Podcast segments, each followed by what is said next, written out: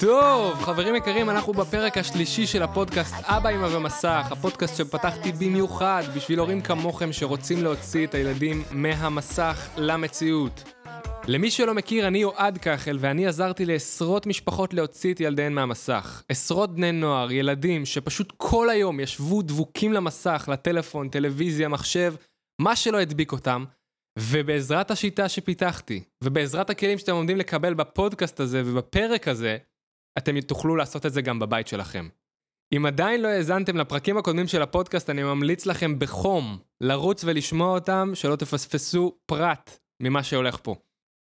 אז חברים יקרים, תקשיבו טוב, כי היום אני רוצה לדבר איתכם בפרק הזה על הסיפור האישי שלי. איך נגמלתי מהתמכרות כל כך קשה למסך. איך יצאתי ממצב שכל מה שאני רואה זה משחקי מחשב, וזה סרטונים ביוטיוב, וזה לא לצאת מהחדר ולא לדבר עם בני אדם, לא לראות אור יום, וממצב כזה לעבור למקום שבו אני מתחבר למציאות, חי את החיים שלי, מגשים את החלומות שלי, ואפילו מגיע למצב שאני עוזר למשפחות לעשות את אותו הדבר עם הילדים שלהם. אז אני שואל את עצמי מאיפה מתחילים סיפור כזה. כי בקלות היום כל בן אדם יכול למצוא את עצמו מול טלפון, מחשב, טלוויזיה, כל מסך מכל סוג שהוא, כל כך הרבה זמן בלי שנשים לב בכלל. וזה לא קשה למצוא את עצמנו כל כך הרבה זמן ככה. הרי המסכים שואבים אותנו, ודיברנו על זה בפרק הקודם. והסיבות המרכזיות שבאמת הגעתי למצב כזה, שאני דבוק, שאני נשאב, שאני לא יכול למצוא לעצמי דברים אחרים לעשות, כי כל מה שמעניין אותי הוא המסך, זה בדיוק מה שדיברנו בפרק הקודם. ובקצרה אני אגיד שהחינוך, שהתרבות והסביבה שגדלתי בה, השפיעו על ההחלטות ועל ההרגלים שפיתחתי. וההרגלים האלה בהחלט היו ללכת ולמצוא פתרונות במסך. אז איך בעצם נראים החיים האלה? אני רוצה שתבינו, הייתי יושב מבוקר עד לילה מול המחשב בחדר שלי.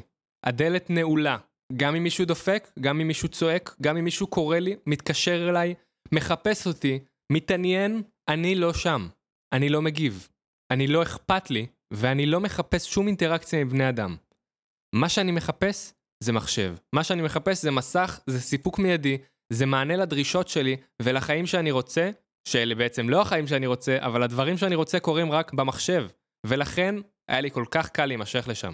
בחיים כאלה, שאני פשוט נעול בחדר, אני עם אוזניות גדולות על האוזניים, כדי שאני לא אשמע שום דבר מחוץ למסך. כל מה שאני שומע כל היום זה צלילים של משחק, זה יריות, זה צעקות, כל הקולות שאני שומע הם בעצם של המסך ושל האינטראקציות שאני יוצר בתוכו.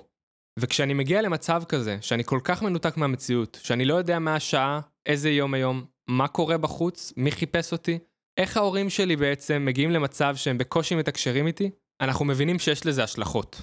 הגעתי למצב שאני כבר לא יודע על מי לכעוס. אני כועס על עצמי, שאני במצב הזה, אני כועס על הסביבה שלי, שקשה לי איתה ובגלל זה אני מנסה לברוח, אני כועס על המורים שלי, על הבית ספר, אני כועס אבל אני פשוט לא יודע על מי.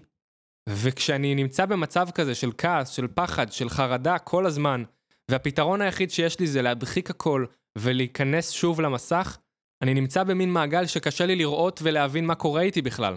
וכשאני לא מבין מה קורה איתי, אני לא מחפש פתרון, כי אני לא מבין שיש בעיה.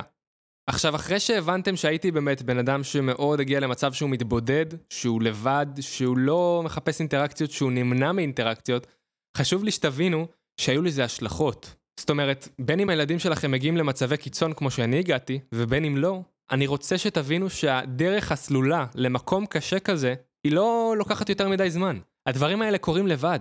הרי זה לא שביום הייתי מכור. התחלתי בסופו של דבר ממקום שבו מצאתי משחק מגניב, ושיחקתי בו, ושיחקתי בו עוד, ועוד, ואחר צהריים, ופתאום כמה שעות, ויום אחרי זה עוד כמה שעות, עד שלאט לאט זה הפך לשגרה, זה הפך למשהו שאני עושה בקבוע, זה הפך למשהו שאני חייב אותו ושאני חושב עליו כשאני לא נמצא בו. כשאני הולך לבית ספר אני חושב על זה, אני מצייר את זה במחברת, אני לא מקשיב למורים, וכל מה שיש לי בראש זה מסכים, משחקים, הסחות דעת ודברים שנדבקתי להם ושאני כבר לא יכול בלעדיהם. עכשיו, בן אדם הוא חיה חברתית. זה קשה להיות לבד כל כך הרבה זמן. זה קשה להשיג את עצמך לבד כשאתה מרגיש בודד כל כך הרבה זמן. והמצב הזה, של ההתמכרות הזאת למסך, של הבריחה שלי אל העולם הדיגיטלי הזה, הביא אותי למצב שיש לי כל כך הרבה פגיעות בחיים, כל כך הרבה שינויים דרסטיים באיך שהחיים שלי נראו, וברוב הזמן בכלל לא שמתי לב אליהם. ברוב הזמן הייתי עסוק אך ורק במסך, אך ורק בסיפוק שאני מקבל ממנו, ולא בשום דבר אחר. וכשאני לא רואה את הבעיות שלי ואת הדברים שקורים בחיים שלי, אני נפגע. אני נפגע כי אני לא שם לב, כי אני מאבד שליטה, כי אני לא שולט בחיים שלי בעצם. כי יכולים לקרות לי דברים, ותכף אני אדגים לכם ואסביר לכם איזה דברים קרו, ואני בכלל לא בשליטה או באכפתיות כלפיהם. ומי זה כלפיהם? זה כלפי החיים שלי. אז מה קרה לי בעצם? הפגיעה הראשונה של המסך בי הייתה קודם כל הפגיעה הבריאותית. הפגיעה בעיניים. תחשבו בן אדם שמסתכל כל כך הרבה שעות בתוך מסך. האורות המרצדים, ה... כל הדברים האלה שזזים על מסך ואני מסתכל עליהם כל כך מקרוב, פשוט בוהה בהם, הורסים לי את העיניים. יכולתי לסיים עם משקפיים אם הייתי ממשיך בקצב הזה. בן אדם שיושב כל כך הרבה שעות, פשוט יורדת לו איכות הראייה. ואני יכול להתחיל להסביר לכם כמה זה מסוכן, אבל תחשבו פשוט שכל ערב הייתי מסיים את הסשן משחקים שלי, את הזמן מסך שלי, עם עיניים נפוחות, אדומות, שכל מה שהן רוצות זה להיעצם ולא להיפתח יותר, כי הן עייפות ותשושות, ונמאס להן להסתכל רק על מסך. מעבר לזה שלא נדבר בכלל על הכאבי גב, השכמות, הכתפיים, אני הייתי מפורק. לא לזוז, לא לעשות פעילות גופנית, לא להזיז את הגוף בכלל, זה פשוט שובר אותנו, ואנחנו חייבים לשמור על תנועה בשביל להישאר בריאים. זה משהו שהמסך לוקח מאיתנו, את התזוזתיות, את האקשן, לזוז. אנחנו לא עושים את זה כשאנחנו פשוט בוהים, כשאנחנו יושבים ולא זזים. עכשיו תתארו לכם, ויכול להיות שאתם רואים את זה גם בבית שלכם, מה זה לשבת על המסך. אם אני רעב, מה הסיכוי שאני אקום לבשל לעצמי ארוחה בריאה ומזינה שתהיה טובה לגוף שלי? זה לא באמת מעניין אותי באותם רגעים. מה שעניין אותי בתקופה הזאת היה פשוט להשביע את עצמי בשביל שאני אוכל להמשיך עם הרעב למסך. מה שעשיתי היה פשוט מאוד לקחת כל מה שאני רואה שהכי פשוט, שבדרך כלל זה יהיה ה junk food, השקיות של החטיפים, הדברים האלה שפשוט ישביעו אותך לרגע בשביל שתוכל להמשיך. וזה מה שעשיתי במקרים האלה שחיפשתי משהו לאכול. מה שאנחנו מבינים מזה, זה שגם התזונה שלי נפגעה, הכושר שלי נפגע, כל המערכת הבריאותית שלי ירדה, ואנחנו לא רוצים שזה יקרה גם לילדים שלכם. ואם זה קורה, אנחנו רוצים לעצור את זה כמה שיותר מוקדם. כי התוצאה של כל ההתברברות הזאת, התוצאה של ההזנחה הזאת שלי, הייתה ירידה משמעותית במשקל. עכשיו, אצל ילדים אחרים זה יכול להתפרש כעלייה משמעותית במשקל, אבל זה המקרה שלי וזה העניין הבריאותי. עכשיו, משמעותי יותר מזה הייתה פגיעה חברתית, פגיעה משפחתית. תחשבו שלא הייתי עם אנשים, קשרים שפיתחתי עם חברים ירדו ודעכו, וכשהם כותבים לי ומתקשרים אליי ומחפשים אותי, אני לא שם, ופתאום אני לא יוצא עם אנשים, לא יוצא למסיבות, לא יוצא לפגישות חברתיות, והחברים שהיו לי מקבלים מסר שאולי אני לא רוצה אותם, שאולי אני דוחה אותם, שאולי הם מפריעים לי, שאולי ככה וככה, ולכן גם הקשרים החברתיים מתערערים, מתרחקים ונעלמים לאט לאט. וזה משהו ששונה מקשרים משפחתיים. הם הרי עדיין יישארו פה גם אם אני לא אטפח איתם את הקשר. העניין הוא שזה ישפיע לנו על החיים בצורה הרבה יותר משמעותית, כי האנשים היקרים לנו, החשובים לנו, הקרובים אלינו, שהראשונים לתמוך בנו כשקשה לנו, הם יהיו בדרך כלל המשפחה שלנו. ולכן, אם נתנהג אליהם כמו, סליחה על המילה חרא, הם יתנהגו אלינו כמו חרא, ויהיה להם קשה לעזור לנו כשלא ניתן את העזרה שלנו אליהם, או כשלא ניתן להם לעזור לנו. אז כמו שאתם מבינים, נפגעתי משפחתית, חברתית, בריאותית, ולבסוף, כמובן, עניין הבית ספר, הלימודים. הייתי במגמת מוזיקה וניגנתי על גיטרה 6 שנים. מה שהיה עם העניין הזה, זה שהייתי צריך לבוא פעמיים בשבוע, לנגן בהרכבים, להיות חלק בתזמורות, בהופעות, והעניין הוא שפשוט לא הגעתי. פשוט לא הייתי נוכח בדברים האלה, וכשכן כבר הגעתי, מה שקרה זה שפשוט לא הייתי מוכן, לא הייתי מתאמן בבית, הייתי מבטל את המורה שהיה לי לגיטרה, פשוט הזנחתי כל דבר שהוא לא מסך. והעניין הזה רק מראה לי, ורק מראה לנו, כמה שהמסך אכל לי את החיים, נגס בכל תחום בחיים שהיה לי. עד שהגעתי למצב שהפסקתי לנגן בגיטרה, פרשתי מהמגמה למוזיקה בבית ספר, וגם את הבית ספר הורדתי למינימום. זאת אומרת שהייתי עושה את המינימום שהייתי צריך. גם מבחנים בקושי עברתי, ירדתי מציונים של 80-90 לציונים של 20-30, עד שהגעתי למצב שבו אני איכשהו מסתדר ועובר מבחנים על הקשקש. ואחרי כל ההקדמה הזאת, שאתם מבינים שהמסך פשוט חירב לי את החיים, אתם מבינים שהגעתי למצב נמוך מאוד, אני רוצה שתבינו מה קרה ששינה את המצב הזה. הדבר הראשון באמת שגרם לי להתחיל לזוז בכיוון הבריא, היה שזה התחיל להפריע לי. התחלתי להרגיש את הפגיעות האלה בחיים שלי. התחלתי לראות שאני לא מרוצה מאיך שאני נראה. שאני מרגיש מוזנח, שאני לא מריח טוב. שאני פתאום קולט את המשקל שלי, את הבדידות שלי. את איך שאני מרגיש עם עצמי, אני מרגיש כמו גוש שלא עושה כלום עם החיים שלו. אני מרגיש מוזנח, אני מרגיש נמוך, אני מרגיש כל כך קטן, ואני מבין שהמקום הנמוך הזה לא שווה לכלום, לא יביא אותי לשום דבר שאני חולם עליו. ואני אתן לכם דוגמה לחלום שהיה לי בגיל הזה, זה למשל שאני אשיג את בית החלומות שלי כשאני אהיה גדול. שתהיה לי גינה גדולה ושתהיה לי בריכה, שתהיה לי אישה יפה, וכשאני מבין שהמסלול שאני הולך בו כרגע, שאני נדבק למסך ולא עושה כלום עם החיים שלי, לא מקדם דברים שבעתיד יכולים להביא אותי למקום הזה, אני באמת מבין שאני לא בדרך להגשים את החלום שלי. וזה משהו שמפריע לי. אבל מה שבאמת הזיז אותי זה גועל. כשאני מרגיש נגעל מעצמי, כשהילד שלכם ירגיש גועל מהמצב שבו הוא נמצא, שהוא יבין שהמצב הזה מפריע לו, שהוא לא מוביל אותו לדברים שהוא רוצה להשיג, אז הוא יתחיל לזוז. אז אני התחלתי לזוז. ואז אני התחלתי לחפש מה אני יכול לעשות בשביל לשנות את המצב שלי. משהו אגב שאני תמיד ממליץ למשפחות שעובדות איתי, זה קודם כל לבדוק כמה זמן הילד יושב מול המסך.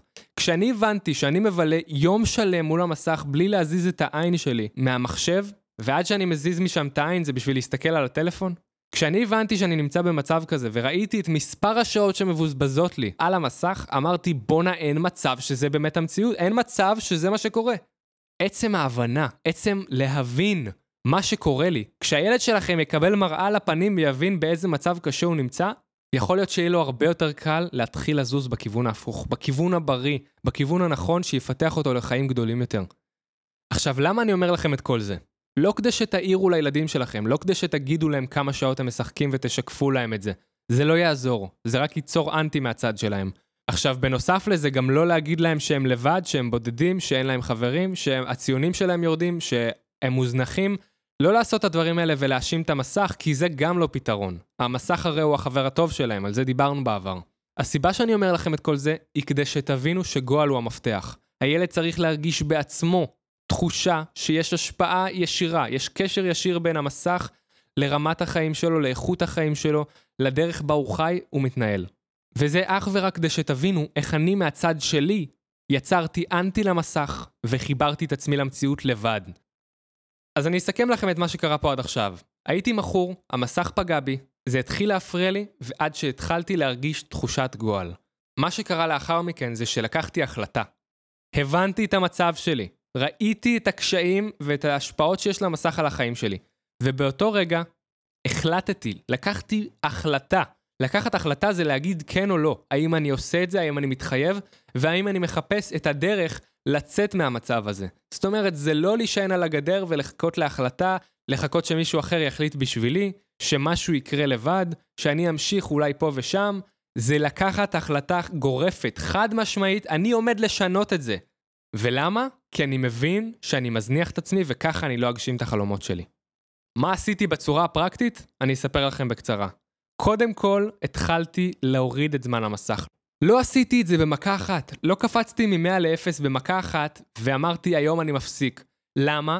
כי באותו יום שאני אפסיק במכה אחת, אני אעלים את המסך ולא את הצורך שלי למסך. אני עדיין אחפש אותו, אני עדיין אהיה רעב אליו. וכשאני עדיין לא מטפל בצורך, אלא מטפל רק במסך, אז אני בסופו של דבר אשבר אחרי יומיים שלושה, ואם לא יומיים שלושה, אז שבוע שבועיים, כי הכוח רצון שלי לא יחזיק. אני צריך לטפל פה בצורך הזה ששואב אותי למסך. מה שזה אומר, זה שאני החלטתי שמשבוע לשבוע אני מוריד את זמן המסך שלי. בין אם זה ב-20, 30, 40 דקות. לאט לאט הורדתי עוד שעה ועוד שעה ועוד שעה, ומשבוע לשבוע לשבוע, אחרי חודשיים, הגעתי למטרה שלי. המטרה שהצבתי לעצמי הייתה לשחק רק שעתיים ביום במחשב. וזה מה שעשיתי, ירדתי לשעתיים ביום. עכשיו זה נשמע פשוט, אבל כמובן שילד שעושה תהליך כזה צריך לשתף את הסביבה שלו, זה משהו שעשיתי ודאגתי לעשות, לשתף את ההורים שלי. תקשיבו, אני עושה תהליך כזה. אני עושה שינוי כזה ואני צריך את התמיכה שלכם, אני צריך את העזרה שלכם. משתף את החברים שלי, איפה הייתי כל הזמן הזה, מה קרה לי? מספר על הקשיים שלי. לשתף אנשים זה משהו שעוזר, ולכן, אם אתם כהורים מקשיבים לזה, לשתף את הילדים שלכם בקשיים שלכם, יכול ליצור אצלם רצון לשתף בחזרה על קשיים שלהם. אל תנסו רק לבקש מהם לשתף כל הזמן, או לשאול אותם שאלות שיגרמו להם לשתף בעצמם, תנסו בעצמכם לשתף אותם ולהראות להם איך משתפים. מה שבעתיד יוכל לגרום להם להרגיש בנוח לשתף אתכם. עכשיו, מה שהתניע אותי לאורך כל התהליך הזה, שבו גמלתי את עצמי, שבו ירדתי בהדרגתיות, שבו שיתפתי את הסביבה שלי והתחייבתי בפניה לשינויים שאני עושה, היה למצוא את הלמה שלי. כשאני זוכר למה אני עושה את השינוי הזה, כשאני זוכר מה מניע אותי ולמה אני עושה את מה שאני עושה, הרבה יותר קל לי. כי אני זוכר את הדרייב שלי, זה המנוע שלי. כל פעם שאני רוצה להתייאש, כל פעם שאני חושב לוותר, אני זוכר מה גורם לי להמשיך. וכשיש לי למה מספיק חזק, שהוא מספיק עמוק ומספיק משכנע בשבילי, שום דבר לא יעצור אותי. וזה נכון לכל מטרה בחיים. עוד דברים שעשיתי כחלק מהתהליך הזה של הגמילה, היה קודם כל להתחיל לשחק בלי אוזניות. הורדתי את האוזניות והשארתי את הדלת של החדר שלי פתוחה. רציתי לשמוע ולהיות חלק מהסביבה. זאת אומרת, אם מישהו קורא לי, אם מישהו מחפש אותי, אני רוצה להיות נוכח. אני לא רוצה להיות שאוב, אני רוצה להיות נגיש ומאפשר לכל בן אדם ליצור איתי אינטראקציה. אני לא רוצה להיות לבד יותר, ואני רוצה אנשים. ולכן אחת מהפעולות הבאות שעשיתי היה להוריד את האוזניות. מה שבהמשך הפך ללהוציא את המסך מהחדר, להוציא את קונסולת המשחקים מהחדר לסלון, כדי שאני משחק, אני לא אהיה בחדר לבד בכלל, יהיו מסביבי אנשים. זאת אומרת שאם הילד שלכם משחק היום לבד, בחדר, סגור, אוזניות, הכל, תבינו שלהוציא אותו מההתמכרות הזאת יכול לצאת בשלבים. קודם כל, לעשות את זה עם דלת פתוחה. דבר שני, בלי אוזניות. דבר שלישי, להוציא את המסך למקום שבו יש יותר אנשים, שישחק שם, שיהיה בחברת אנשים. תמיד אפשר לפרק את זה לגורמים, לעשות את זה בשלבים ולעשות את זה בצורה כזאת מאפשרת, שתיתן לו לצאת מזה בצורה הדרגתית ונוחה יותר.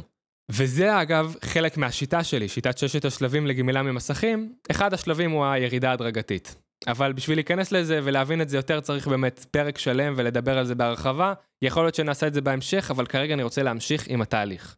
אז הוצאתי את הגורם המדבק מהחדר, והדבר הבא שעשיתי היה להכניס תחומים חדשים לחיים שלי. הרי אני מפנה לעצמי זמן, אני משתמש פחות במסך, פחות במחשב, פחות בטלפון, אני פחות נשאב.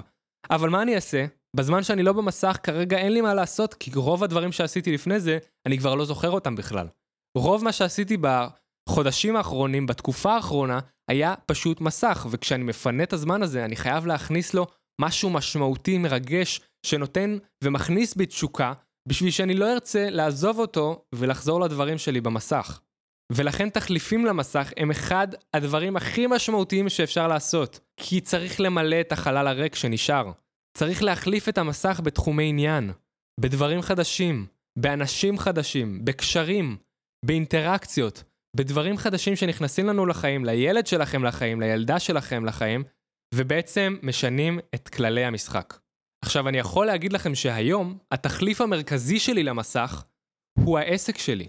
העסק שפתחתי, מתחברים למציאות, שעוזר למשפחות לגמול ילדים מהמסך, שעוזר לבני נוער להוציא את עצמם ולחיות את החיים שלהם. עכשיו, למה זה כל כך תחליף טוב? למה זה תחליף מדהים אפילו? כי התשוקה שלי נמצאת שם. כי זה מה שאני רוצה לעשות, כי זה מה שמרגש אותי.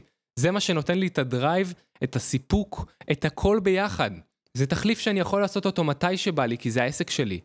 זה תחליף שנותן לי אפשרויות בלתי מוגבלות לגבי היצירתיות שלי והדברים שאני רוצה לפתח, והתחליף הזה הוא בעצם התחליף המושלם שיכול להחליף מסך. יש כל מיני תחליפים מושלמים, אנחנו נדבר על זה אולי בפרק אחר. מה שבטוח, התחליף המושלם צריך להכיל הרבה, הרבה, הרבה תשוקה. תחליף מושלם לא יכול להיות אופניים אם אני נחמד לי לרכב על אופניים.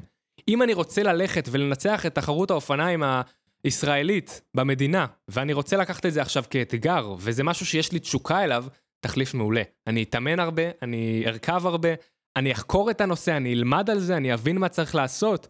זה תחליף מצוין. איפה שהתשוקה שלי נמצאת, זה התחליף שאני צריך בשביל המסך. ומה שחשוב לי שתבינו, זה שאת השינוי שעשיתי, עשיתי בזכות כוח רצון, בזכות זה שקודם כל הרגשתי לא בנוח עם המצב שהייתי בו, הרגשתי שקשה לי, שאני נגעל מעצמי, שאני חייב לזוז, לקחתי החלטה, עשיתי שינוי, הבנתי מה אני צריך לעשות, למדתי מה אני צריך לעשות, שיתפתי את הסביבה שלי, עשיתי את השינוי הזה באופן הדרגתי, ולא במכה אחת שתהיה לי קשה מדי. בנוסף, היה לי למה חזק, למה אני עושה את מה שאני עושה, חזק מאוד, שהשפיע עליי וכיוון אותי וחיזק אותי כל פעם שהיה לי קשה, ובנוסף להכל, מצאתי תחליפים. תחליפים ממלאים לי את הזמן ונותנים לי דברים שמספקים אותי בעולם האמיתי. אז חברים, זה הסיפור האישי שלי, ואני מספר לכם את זה לא כי אני רוצה שתגרמו לילד שלכם להרגיש כמו שאני הרגשתי ושיתנהג כמוני. אתם לא יכולים לגרום לו להרגיש איך שאתם רוצים. מה שאתם כן יכולים לעשות, זה להבין את הרגשות והדברים שעברו עליי בדרך. להבין איך ילד יכול כן לצאת ממקום כזה. ומה שאנחנו עושים בפודקאסט הזה, זה באמת לתת לכם את הכלים שאתם צריכים בשביל להוציא את הילד שלכם בכוחות עצמכם. חברים, זאת מציאות, זה קורה. יש משפחות שמוציאות את הילדים שלהם מהמסך. זה דבר שקורה. צריך לקבל את הכלים, את הדרך, את ההכוונה הנכונה, ואתם שם. לא צריך להתמהמה יותר מדי. ולסיום, אני אגיד לכם שבפרק הבא אנחנו הולכים לדבר על הכוח של דוגמה אישית. איך תוכלו, בעזרת הכלי הזה, של הדוגמה האישית שאתם נותנים לילדים שלכם, להשפיע עליהם ברמה שאין לכם מושג בכלל. ואני אתן לכם דברים פרקטיים שתצטרכו לעשות בשביל להשפיע עליהם ברמה היומיומית שתשנה דפוסים ופעולות שהם עושים. אז לסיום, בפרק הבא אנחנו הולכים לדבר על הכוח של דוגמה אישית. מה אתם יכולים לעשות בבית ואיך ההשפעה שלכם על הילדים שלכם כל כך חזקה. אני אתן לכם פעולות ודברים שתוכלו לעשות בבית בשביל לראות שינוי מיידי, יומיומי, במה שהילדים שלכם עושים ומחקים אתכם, ומה הכוח של הדוגמה האישית שלכם בכלל. אז זה היה הפרק השלישי בפודקאסט אבא, אמא ומסך. אני הייתי יועד כחל ותוכלו למצוא אותי ביוטיוב, באינסטגרם, בפייסבוק, בטיק טוק, וכל הורה שרוצה לקחת את הילד שלו לתהליך אמיתי של שינוי, מוזמן כבר עכשיו להירשם לאחד הקורסים, הסדנאות, הליוויים האישיים שלי. דרך חיפוש מתחברים למציאות בגוגל, תוכלו למצוא את האתר שלי ולהשאיר שם פרטים. נחזור אליכם בהקדם ונתחיל את השינוי הזה כמה שיותר מהר. אז תודה רבה לכם על ההאזנה, ואנחנו נתראה בפרק הבא.